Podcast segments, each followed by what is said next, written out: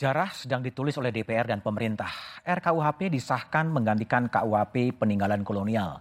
Kekuatan politik telah mengetokkan palu, menandai bangsa ini bergerak maju. Tapi RKUHP masih menyimpan sejumlah catatan bagi demokrasi. Lalu pengesahan RKUHP merupakan berkah atau musibah? Itulah yang akan saya bahas dengan sejumlah narasumber yang telah hadir di studio.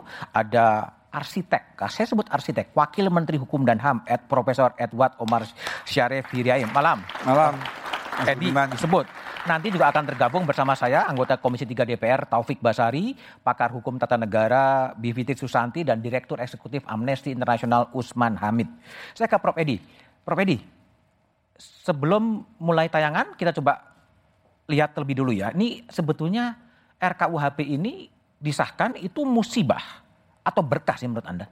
Jelas merupakan berkah. Kenapa berkah? Mengapa? Karena kita mencoba meletakkan dasar-dasar hukum pidana okay. untuk disesuaikan dengan paradigma hukum pidana modern mm -hmm. yang tidak berorientasi pada keadilan retributif mm -hmm. yang menggunakan hukum pidana sebagai sarana balas dendam, tetapi berorientasi pada keadilan korektif, keadilan restoratif, dan keadilan balas dendam tuh hukum Romawi ya, Persis. mata ganti mata gitu ya, gigi ganti gigi, gigi ganti gigi ya. Jadi, Sekarang diubah menjadi lebih restoratif gitu, lebih korektif, lebih... restoratif, dan rehabilitatif. Rehabilitatif. Tapi gini, banyak hampir semua obsesi Menteri Kehakiman sejak zaman Orde Baru sampai sekarang kemudian mengharapkan bahwa menggolkan KUHP nasional tapi baru sekarang berhasil. Apa kiatnya sebetulnya? Saya kira ini tidak terlepas dari kerja keras uh, tim pemerintah dan teman-teman DPR. Hmm? Saya meralat, uh, saya bukan arsitek dari RKP. Bukan arsitek, tapi orang tapi yang berada di depan gitu. Hanya melanjutkan hanya apa melanjutkan. yang sudah dirumuskan oleh para pendahulu guru-guru hmm. besar kami ada Profesor Umar Senwaji, Profesor Sudarto, Profesor hmm. Saitapi, Profesor Muladi, Profesor Nyoman, Profesor Robi Lukman. Profesor Boy Marjono. Hmm. Dan kami ini hanya meneruskan. Dan kalau boleh saya meminjam istilahnya Profesor Muladi, kami ini termasuk generasi ketiga. Generasi ketiga? Generasi ketiga. Oke. Okay. Beliau menyebutkan kami ini generasi ketiga yang kemudian memperjuangkan untuk kita punya KUHP nasional. Oke, okay. tapi gini Prof, Edi, itu kan diperjuangkan 59 tahun ya? Persis. Tapi baru gol sekarang, sebetulnya apa? Apakah kekuatan politiknya begitu mendukung dan akademisi semua pakar hukum pidana masuk dalam tim atau gimana sebetulnya? Saya kira tantangan terbesar dalam penyusunan RKUHP adalah bangsa ini sangat majemuk. Oke. Okay. Multi etnis, hmm? multi religi, multi culture. Hmm?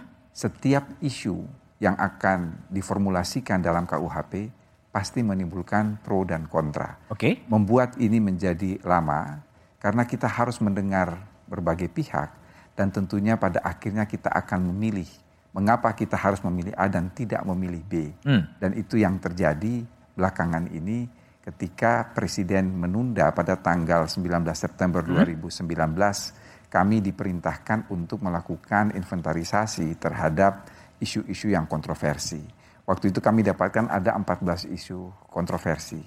Dan itu gimana? Kiat dari 2019 Presiden meminta untuk ditunda karena ada demo yang sangat besar, tapi sekarang bisa gol. Apa sebetulnya di balik layar sehingga RKUHP ini bisa disahkan? Satu adalah sosialisasi, oke, okay. sekaligus dialog publik. Hmm? Kita mendengarkan betul masukan masyarakat, dan yang kedua di tengah-tengah berbagai pendapat yang berbeda secara diametral, kami pemerintah dan DPR mencoba mencari titik kompromi yang maksimal sehingga itu bisa diterima oleh kedua belah pihak dan kami bisa menjelaskan itu kepada publik okay. mengapa kami memilih formula seperti itu di dalam KUHP.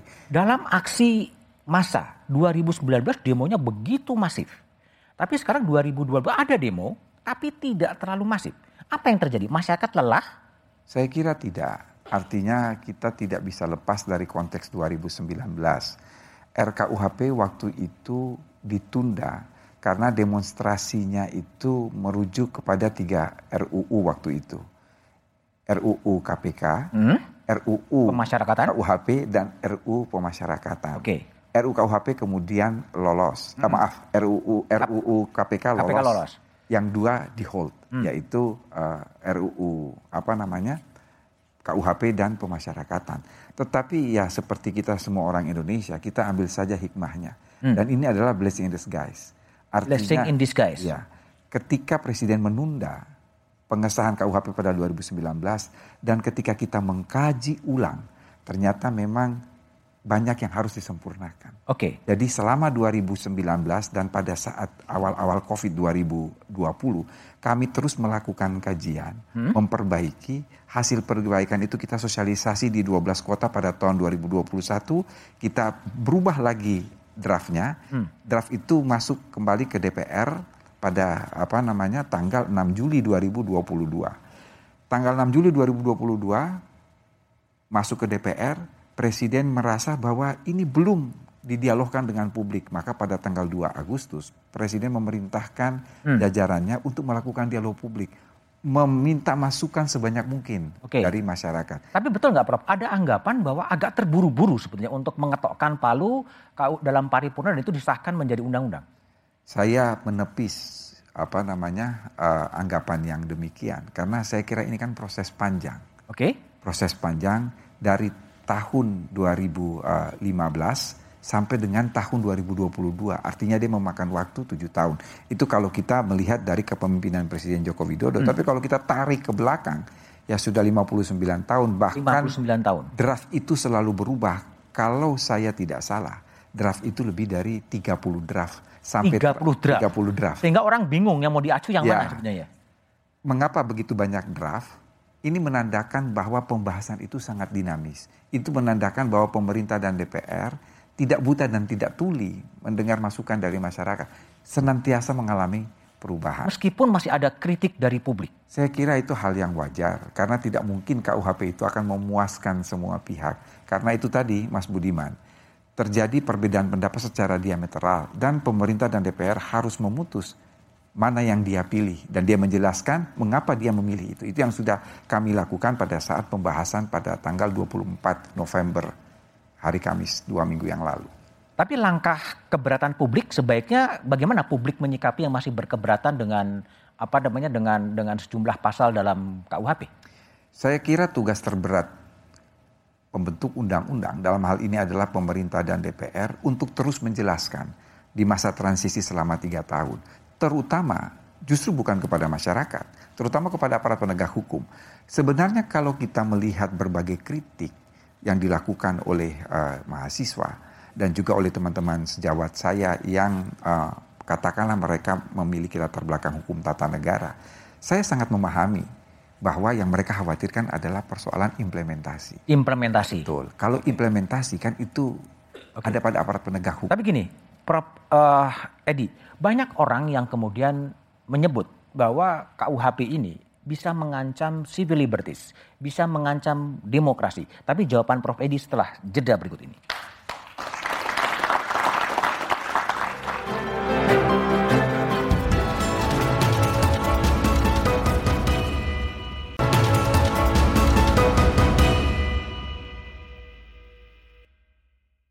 Prof. Edi, banyak orang atau sejumlah orang menganggap bahwa RKUHP ini kemunduran bagi kebebasan sipil, kebebasan berpendapat. Pandangan Anda? Saya kira itu hanya persoalan ketidakpahaman. Hmm? Mengapa demikian? Salah satu misi dari KUHP yang kita dengungkan itu adalah demokratisasi. Hmm? Kita menjunjung tinggi betul kebebasan berdemokrasi, kebebasan berekspresi, kebebasan mengeluarkan pendapat karena itu dijamin oleh konstitusi. Tetapi harap diingat, konstitusi kita tidak menjamin kebebasan menghina. Kebebasan menghina? Ya, okay. tidak ada. Karena Dan, apa? Karena penghinaan adalah perbuatan pidana. Oke. Okay. Dalam Mas Budiman bisa bayangkan, dalam draft awal itu ada empat jenis penghinaan.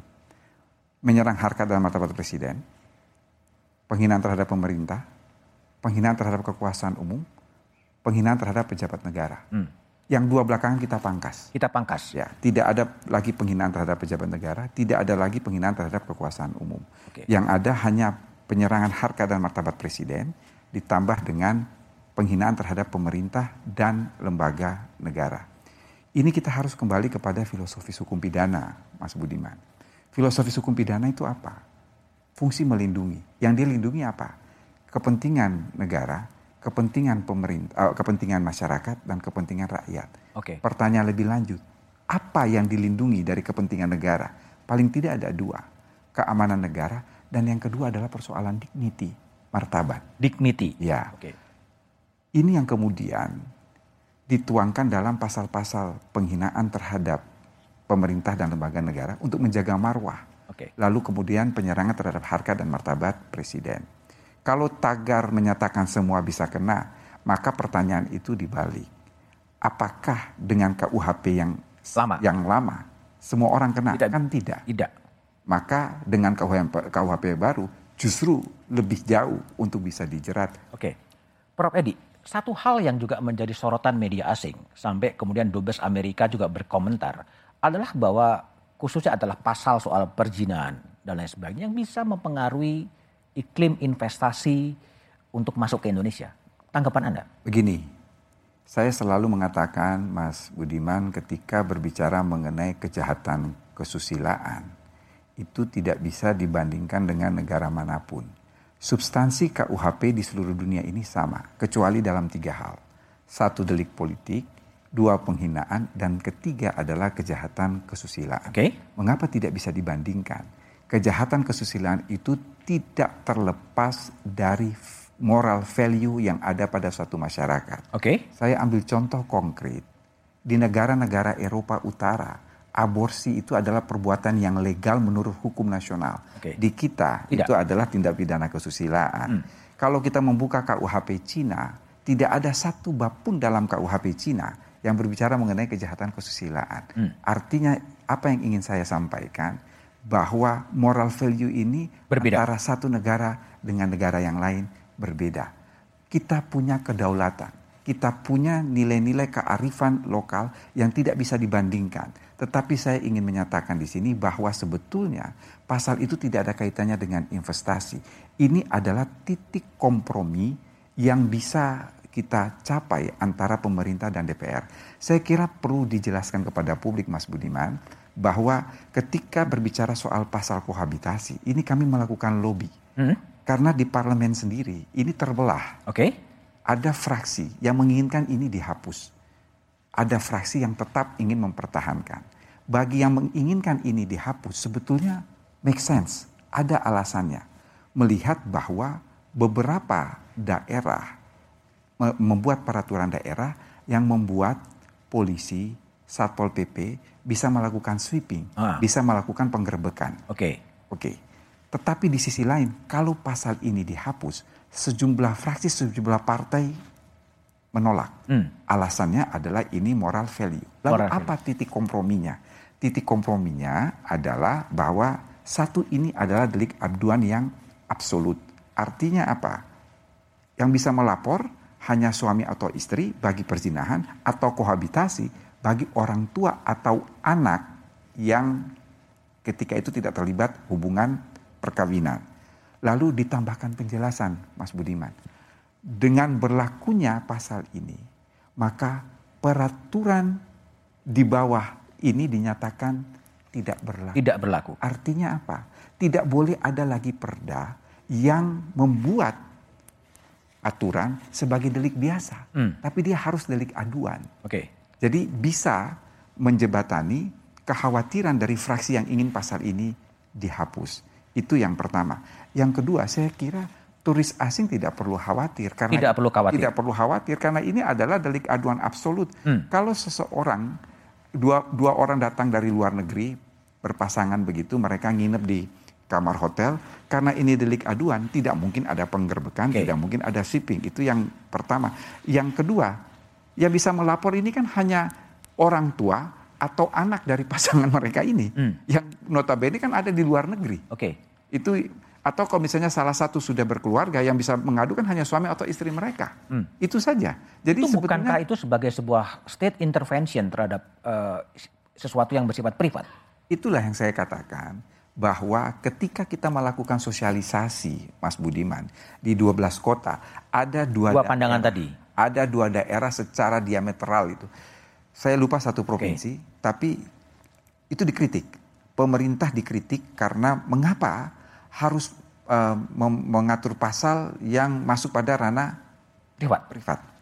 Tapi ketika kita ke Sumatera Barat, hmm, pemerintah lagi. dihujat. Okay. Tidak tegas. Hmm. Kenapa ini delik aduan? Ini hmm. kan melanggar moral agama. Okay. Nah, pada titik ini kita harus punya pilihan. Hmm. Sebab apa? Kalau kita mengikuti daerah yang ingin ini dihapus, maka Sumatera Barat akan mengatakan tidak aspiratif. Kalau kita mengikuti Sumatera Barat, maka dikatakan ini tidak aspiratif. Jadi hmm. kita mengambil ya the middle way bahwa oke okay, ini dihapus, tetapi untuk mencegah jangan sampai aparat uh, penegak hukum baik polisi maupun satpol pp melakukan penggerbekan, sweeping, ini satu dijadikan delik aduan dan tidak boleh ada peraturan daerah yang bertentangan dengan KUHP itu. Oke, ini kan banyak pro kontra di masyarakat. Masih terlepas apakah belum paham atau tidak mau paham atau masa bodoh. Tapi kan masih ada tenggang waktu tiga tahun sampai kemudian ini kemudian berlaku efektif dan tiga tahun itu adalah pasca pemerintahnya Pak Jokowi sebetulnya. Nah, lalu apa yang akan dikerjakan oleh pemerintah? Tapi jawabannya setelah jeda berikut ini.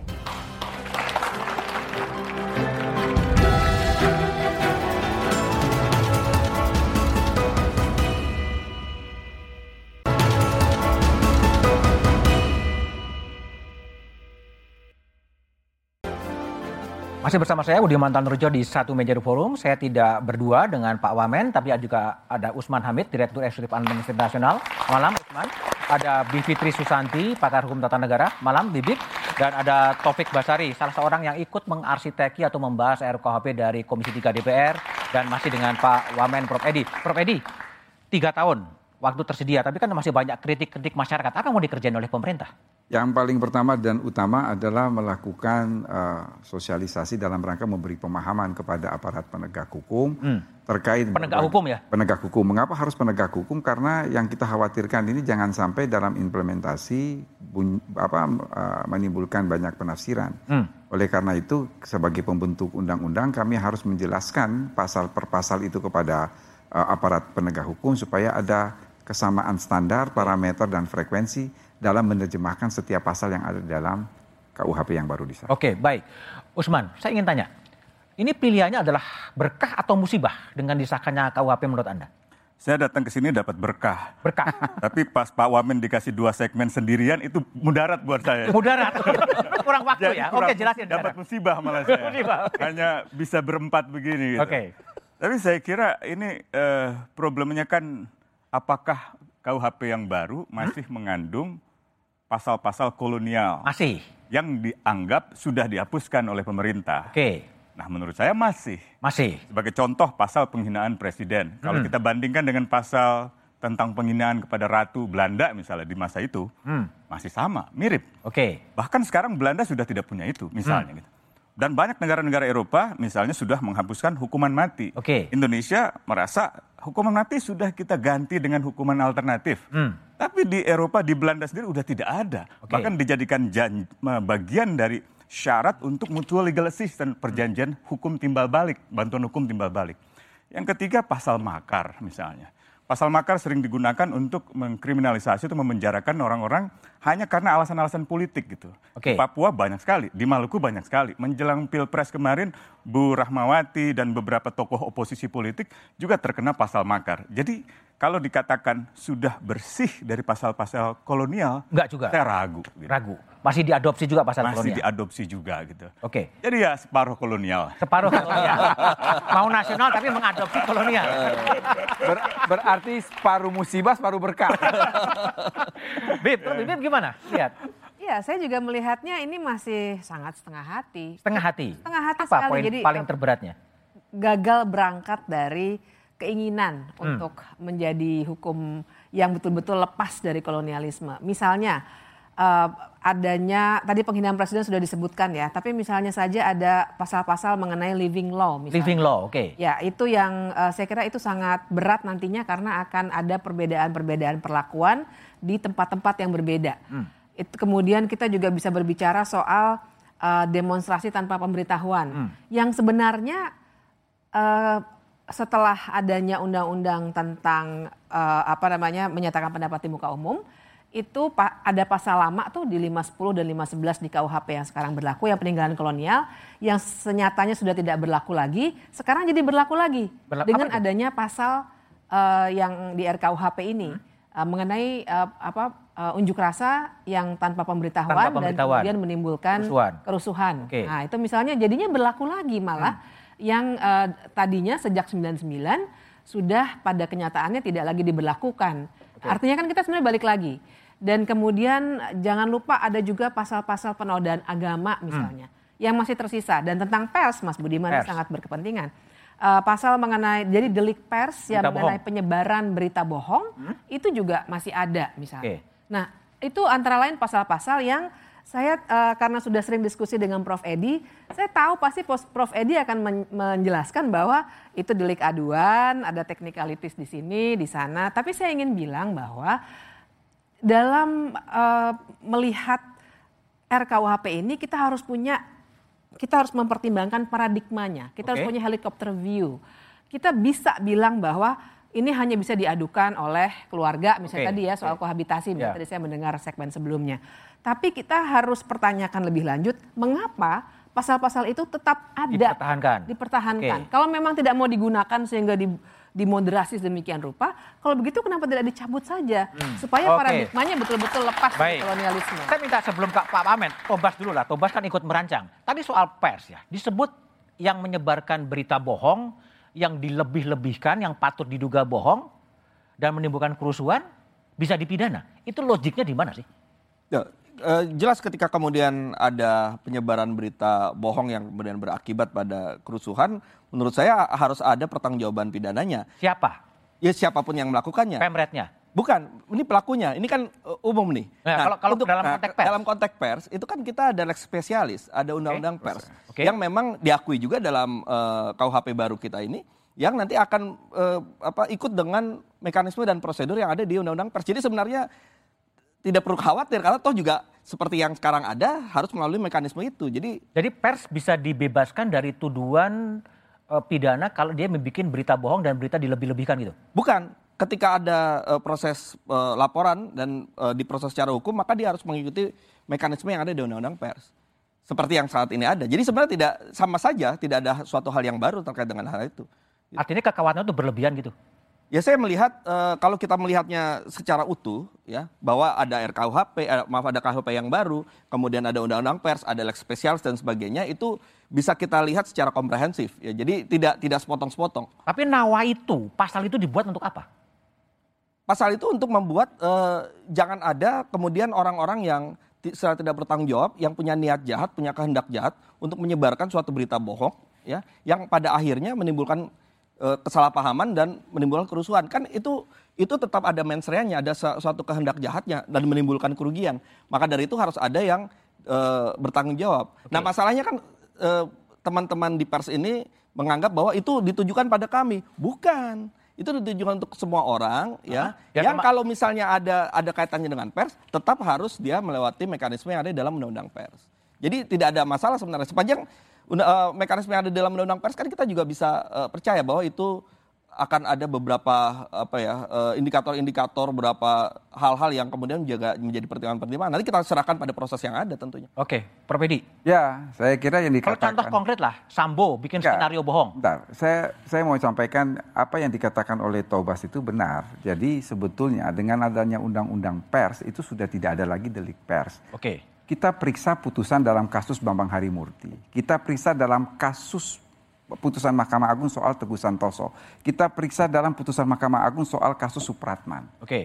Itu sudah dijadikan jurisprudensi tetap okay. bahwa ketika berhubungan dengan pers maka gunakanlah jalur pers, hak jawab dan lain sebagainya. Hmm. Jadi sebetulnya tidak perlu ada kekhawatiran. Dan yang kedua, kalau kita merujuk tadi yang disampaikan oleh uh, Mas Usman maupun Mbak Bibip, dalam pasal penyerangan harkat dan martabat presiden itu di penjelasannya jelas. jelas. Kita mengutip apa yang terdapat di dalam undang-undang pers okay. bahwa kritik terhadap suatu negara demokrasi sangat dipentingkan sebagai suatu bentuk kontrol sosial dan wujud kritik itu adalah unjuk rasa. Hmm. Kalau kritik yang diwujudkan dalam unjuk rasa itu tidak dapat dipidana. Oke. Okay. Itu jelas. Jadi yang ini ada perbedaan prinsip kalau ya benar juga kalau misalnya apa namanya dikatakan Mas Usman, ya ini apa kayaknya separuh separuh begitu. Separuh ya. separuh. Karena sebetulnya ada alasan penghapus pertanggungjawaban pidana di dalam pasal uh, okay. penyerangan harkat dan martabat presiden itu.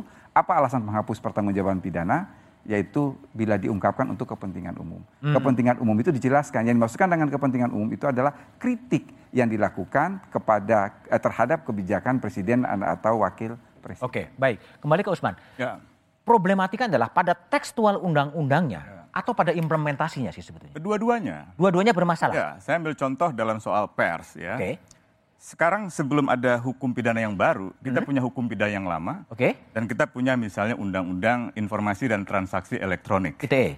Dalam sejumlah kasus, ya, misalnya di Sulawesi atau di Kalimantan, jurnalis dikenakan, dikenakan pasal juga. pidana dan okay. dikenakan pasal undang-undang informasi dan transaksi hmm. elektronik gitu. Hmm tentu sebagai argumentasi pembelaan di pengadilan kita bisa menggunakan azas lex specialis derogator generali bahwa hukum yang spesial yang khusus itu mengatasi hukum yang umum misalnya. Hmm. Tapi itu tidak ada jaminan. Orang sudah terlanjur ditahan hmm. di penjara gitu. Katakanlah di Mahkamah Agung nanti dibebaskan, tapi udah di penjara duluan. kemerdekaan pada awal-awal proses hukum itu itu yang sebenarnya terjadi. Hmm. Itu yang pertama. Nah, yang kedua tentang uh, soal penghinaan presiden saya apresiasi kalau memang kritik dalam sebuah negara demokrasi itu memang diterima sebagai kontrol sosial. Hmm.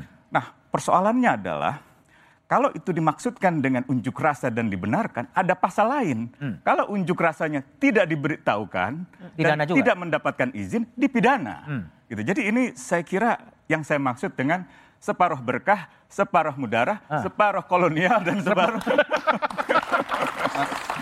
Nah, harus Oke, okay, Bib, gimana? Hmm. Ya. Tadi penjelasan pers tadi kan unjuk rasa dan lain sebagainya bebas silakan sebagai kritik sosial. Ya, masalahnya adalah kita juga harus melihat tadi ya balik ke pertanyaan apakah ini implementasinya saja atau normanya. Hmm. Kita harus ingat bahwa uh, penegak hukum itu menjalankan hukum tentu saja berdasarkan norma yang ada. Oke. Okay. Nah, masalahnya dalam RKUHP ini cukup banyak norma yang se sebenarnya begitu banyak interpretasinya. Tadi saya lupa menyebutkan satu yang penting sekali, menyebarkan ideologi yang tidak sesuai Marxis. dengan Pancasila. Oh, Pancasila, oke. Okay. Ya, Marxis Leninisme ya. oke okay lah, kita ya, bisa okay. berdebat tersendiri. Ya. Tapi bahkan tidak sesuai dengan Pancasila. Pancasila. Itu ah. siapa yang akan menafsirkan? Siapa misalnya? yang menafsirkan? Nah, jadi uh, ini ini jadi persoalan nantinya dan balik lagi uh, kita juga tidak bisa menggantungkan suatu harapan-harapan bukan pada sistem tapi pada orang. Misalnya begini, ketika misalnya mendiskusikan soal uh, apa penghinaan terhadap presiden itu kan delik aduan, hmm. jadi tergantung presidennya. Artinya kita menggantungkan diri pada orang-orang, aduh nanti kita dapat presiden setelah 2024 seperti apa ya? Apakah akan menggunakan pasal ini atau tidak? Itu yang seharusnya tidak boleh dalam sebuah sistem hukum.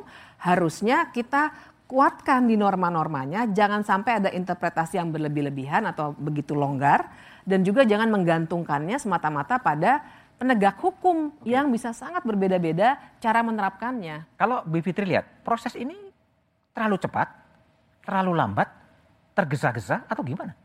Ya, uh, ini relatif nih, karena kita semua tahu, Prof. Edi juga tadi saya kira sudah menjelaskan, ini dari saya kuliah dulu, ini sudah di drafting. Okay. Jadi memang uh, pembuatnya itu uh, para guru besarnya para guru besar lah gitu hmm. ya. Tapi begini, dia itu kan ditaruh di atas meja RKUHP ini taruh di atas meja 2015. Jadi sebenarnya tidak terlalu lama begitu mulai dibahas hmm. oleh DPR hmm. yang sekarang. Dan kemudian sempat terhenti 2019. Nah, sesungguhnya beberapa bulan yang lalu kami punya harapan bahwa akan ada proses partisipasi, apalagi hmm. sudah diberi pagar kan. Itu kurang juga. Partisipasi bermakna. Tapi ternyata tidak terjadi. Oh. Yang terjadi adalah sosialisasi. Hmm. Jadi dalam arti begini, kalau sosialisasi itu kan satu arah, ada yang menjelaskan, hmm. Prof. Edi sangat baik tentu saja hmm. menjelaskan kita semua bisa manggut-manggut. Tapi kan namanya partisipasi itu harusnya Prof. Edi mendengar, mempertimbangkan, okay. Dan kalau ada yang ia tidak setujui, ia akan bilang, oh maaf, saya tidak bisa terima hmm. masukan Anda karena ini. Nah proses itu yang tidak ada. Oke. Okay. Jadi saya kira uh, tetap pada akhirnya ini cukup terburu-buru. Bagian belakang ini tinggal 18 pasal yang sebenarnya masih bisa saja kita perdebatkan. Tapi karena prosesnya tidak lengkap, maka uh, akhirnya terjadilah yang setengah-setengah ini. Setengah-setengah, Prof. Edi. Uh, Jadi sosialisasi atau sebetulnya ya, apa? Dialog publik. Dialog Kenapa publik, dialog tapi publik? satu arah? Tidak. Enggak. Jadi Mbak Bibi saya mau menjelaskan ini adalah Mas Tobas saksinya tanggal 9 November 2022 kami memasukkan yang tadinya dari 14 isu krusial menjadi 69. Oke. Okay. Dari tabel yang kita sajikan ke DPR, setiap isu itu ada keterangan. Keterangan itu masukan dari siapa? Ada, jelas. Ini kita peroleh dari sosialisasi apa dialog publik di mana, masukan mana, masukan mana itu jelas. Jadi tidak benar kalau dikatakan bahwa pemerintah dan DPR buta dan tuli terhadap masukan masyarakat. Tidak buta dan tuli. Tidak buta dan tuli karena tidak bisa kita pertanggungjawaban. Itu semua ada rekamannya. Oke. Itu Tobas bisa menjelaskan betul dari mana kita mendapatkan itu. Dan benar yang dikatakan oleh Mbak Bibit, misalnya dalam persoalan uh, apa namanya kohabitasi misalnya, kan ada secara diametral berbeda. Hmm. Kita menjelaskan mengapa pendapat ini yang kita ambil dan bukan pendapat itu proses itu berjalan di DPR dan itu adalah sidang yang terbuka untuk umum. Tapi supaya tidak terjadi mispersepsi, saya ingin mengomentari satu tadi dari Mas Usman soal makar. Makar itu sudah dipersempit. Makar itu adalah serangan. Itu jauh berbeda. Hmm. Jadi kalau orang koko-kongko mau menggantikan atau bisa, mau, ya? nggak bisa, serangan. Hmm. Itu sudah di, di dalam dalam uh, definisi itu adalah ser, apa makar itu adalah apa serangan. Jadi serangan itu tentunya adalah serangan fisik Bukan serangan verbal bukan, ya? Bukan. Itu jelas sekali di dalam penjelasan. Itu masukan dari teman-teman ICGR. Okay. Lalu kemudian uh, yang berikut soal uh, apa namanya unjuk rasa. Kita ini diajarkan, Mas Budiman, kalau membaca pasal itu kan harus membaca judul bab. Judul bab itu adalah ketertiban umum. Jadi tidak mudah juga menerapkan pasal ini. Mengapa? Kalau dia memberitahu terjadi keonaran, tidak bisa dijerat. Kalau dia tidak memberitahu, memberitahu tidak terjadi keonaran juga tidak bisa dijerat. Okay. Yang terjadi ini rumusan pasalnya diimplikasi. Okay. Jika tidak memberitahu dan terjadi keonaran. Dijelaskan tuh keonarannya. Jadi hmm. bunyinya keonaran atau mengganggu kepentingan umum. Apa yang dimasukkan dengan kepentingan umum? Kepentingan umum adalah tidak berfungsinya pelayanan publik. Hmm akibat kerusakan yang timbul okay. karena unjuk rasa, pawai atau demonstrasi. Okay, Jadi baik. kita perketat betul. Perketat betul. Nah, mengapa ada pasal ini? Ini ada kejadian. Kejadian ada mayat di Sumatera Barat itu yang kemudian dia bisa 12 jam karena terhalang demonstrasi. Hmm. Lalu kemudian ada uh, kejadian di Bekasi yang terpaksa ada kerabat yang kehilangan anggota keluarganya karena meninggal di mobil karena mobil ambulans itu terhambat oleh demonstrasi. Oke. Boleh komentar sebentar Mas? Oke, silakan. Dua hal. Pertama soal makar itu ya. Tadi kan disebutkan serangan. Serangan. Sebenarnya itu sudah lama diperdebatkan dan itulah teks asli dari pasal era kolonial. Kolonial. Anslah namanya itu. Serangan. Serangan. Jadi apa yang tidak kolonial di situ? itu satu ya. Oke. Okay. Yang kedua soal demonstrasi dan keonaran itu sebenarnya harusnya dipisah. Demonstrasi adalah hak yang melekat secara konstitusional pada setiap warga, setiap masyarakat. Nggak boleh diasosiasikan dengan keonaran. Hmm. Kalau keonaran, kegiatan apa pun yang melakukan yang menciptakan, menciptakan keonaran. keonaran bisa dipidana. Oke. Jadi persoalannya ketika itu dilekatkan dengan kegiatan demonstrasi yang sebenarnya merupakan hak konstitusional, akhirnya dianggap bertentangan dengan nilai-nilai demokrasi okay. gitu loh. Itu yang saya kira mestinya pemerintah memisahkan antara demonstrasi sebagai hak, hak konstitusional dengan soal keonaran. Hmm. Keonaran bisa ditimbulkan dari apa pun juga. Apa pun. Benar nggak teman-teman? Ya. Oke. Okay. Tapi gini, Tobas, ini kan problemnya gini. Ini kan masih banyak penolakan-penolakan yang terjadi di publik. Ya saya nggak tahu banyak pun menjadi relatif. Tapi apa yang harus dilakukan oleh orang-orang yang memang uh, tidak setuju? Apa yang harus dikerjakan? Tapi jawabannya setelah jeda berikut ini.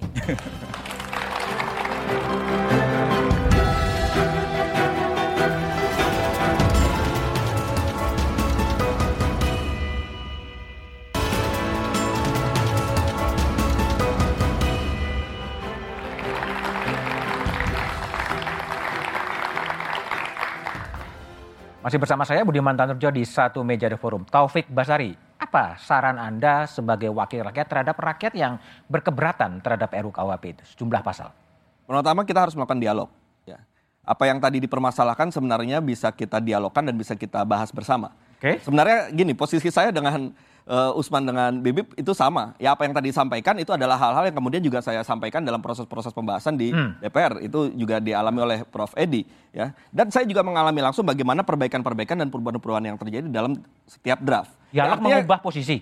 Bukan, bukan. Artinya begini. Sebenarnya apa yang disampaikan itu ya sudah kita lakukan upaya-upaya untuk memperbaiki dan ketika uh, kesepakatan terakhir itu itu adalah satu hal yang maksimal yang sudah bisa kita lakukan untuk mengakomodir apa yang selama ini menjadi okay. tuntutan. Hmm. Nah, tapi memang seperti kata Prof Edi tadi di awal bahwa memang masukan ini juga tidak hanya satu segi saja, satu okay. sisi saja. Okay. Jadi kita harus mempertimbangkan juga pendapat-pendapat lain yang mungkin berbeda. Berbeda dalam okay. uh, ekstrim yang satu lagi dibanding apa yang disampaikan oleh teman-teman tadi. Hmm. Nah, oleh karena itu yang dilakukan adalah kita cari jalan tengahnya. Ya, kita di satu sisi ada orang yang menginginkan pasal ini tetap ada misalnya berpendapat pasalnya harus ada. Tapi di sisi lain kita misalnya ingin menghapus, saya ingin menghapus okay. pasal-pasal yang disebutkan. Nah, oleh karena itu kita uh, biarkan pasal ini ada, tapi kita berikan batasan-batasan yang ketat sehingga kekhawatiran-kekhawatiran yang disampaikan itu tidak terjadi karena kita melakukan pengetatan dan batasan-batasan yang ada. Okay. Itulah yang bisa Baik. berhasil kita lakukan. Usman, banyak okay. orang menyarankan termasuk menteri kalau nggak puas ke Mahkamah Konstitusi.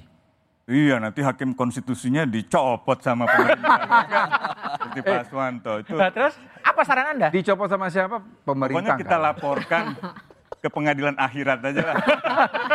Jadi gini, uh, ini saya memang lagi melepas stres nih setelah kena COVID ini. Tambah lebih stres lagi kena KUHP disahkan ini. Okay.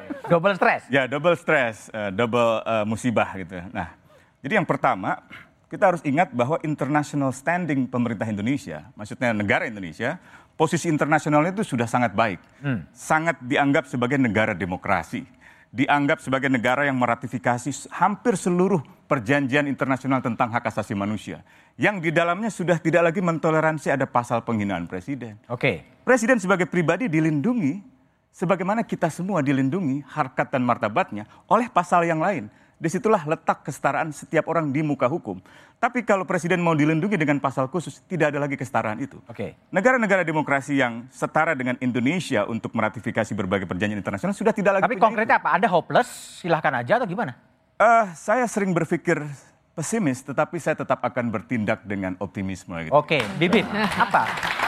Dalam waktu tiga tahun sebelum diberlakukan, apa yang harus dilakukan oleh orang-orang yang tidak puas?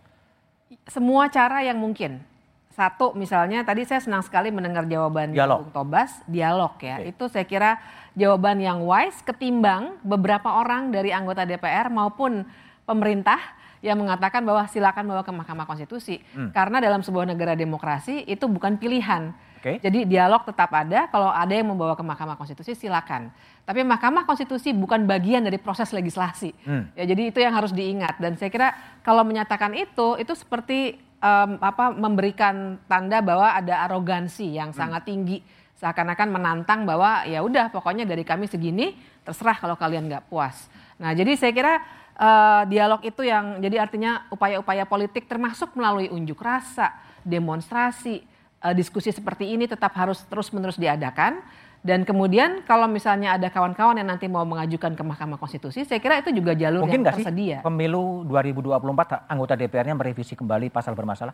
Ya bukan tidak mungkin ya. Saya kira nanti kan pasti ada perubahan sedikit banyak kita belum tahu dan barangkali dalam waktu dua tahun ini banyak dialog yang bisa dilakukan dan mungkin entah apa nanti ya unjuk rasanya dan seterusnya yang akan membuka peluang lebih jauh untuk melakukan revisi. Prof Edi, jadi ya. gimana? Banyak orang masih berkeberatan, saran Prof Edi apa? Ya saya kira bukan akan kita lakukan tapi sudah kita lakukan. Tadi pagi saya dialog dengan uh, BEM sejabotabek. Hmm? Sudah kita jelaskan seperti yang disampaikan oleh Mbak Bibir maupun Mas Tobas. Jadi persis apa yang ditanyakan itu sudah kita uh, sampaikan supaya ada pemahaman. Tetapi betul kalau mereka menggunakan haknya menguji secara konstitusional itu juga uh, kami meskipun takut diaswantokan tadi ya. saya kira itu apa urusan lain ya. Urusan lain. Tapi saya ingin mengatakan begini ya. Tidak mungkin kita akan membuat suatu kitab undang-undang itu sempurna mungkin tidak mungkin. Dan kita sadari betul akan ada pro kontra dan pasti ada kekurangan. Hmm. Oleh karena itu sering uh, saya selalu menekankan bahwa di tengah berbagai macam uh, isu terkait KUHP ini yang paling penting adalah bagaimana kita melakukan pemahaman terhadap aparat penegak hukum supaya mencegah jangan sampai KUHP ini menjadi sarana represif dalam implementasi. Oke, baik Prof Edi. Uh, Satu menit apa? Ada satu hal yang terlupa dan sangat mendasar, yaitu pengaturan kembali tentang pasal retroaktivitas yang berpotensi untuk mencegah penanganan kasus pelanggaran HAM berat masa lalu untuk dibuka kembali. Bali. Dan soal makar, yang dipidana dalam hukum ini sekarang sebenarnya bukan serangannya bahkan persiapannya pun bisa dipidana. Bisa Jadi Oke. tetap saja ini sangat bermasalah dan menurut saya memang nggak mungkin kita membuat undang-undang yang sempurna. Yang tidak sempurna itu nilainya 8, 9. Ini kira-kira lima setengah. Lima setengah. Oke, Usman, Bibip, Prof. Edi, dan Tobas, terima kasih telah bergabung di satu meja The Forum. Rancangan KUHP baru saja disahkan DPR dan pemerintah. KUHP karya anak bangsa ini baru akan berlaku tiga tahun lagi. Masih ada waktu untuk terus mengkaji dan mengevaluasi pasal demi pasal dalam RKUHP. Dan terbuka kemungkinan DPR hasil pemilu 2024 merevisi sejumlah pasal yang masih bermasalah. Demikian satu meja The Forum malam ini. Sampai jumpa pekan depan. Selamat malam dan terima kasih.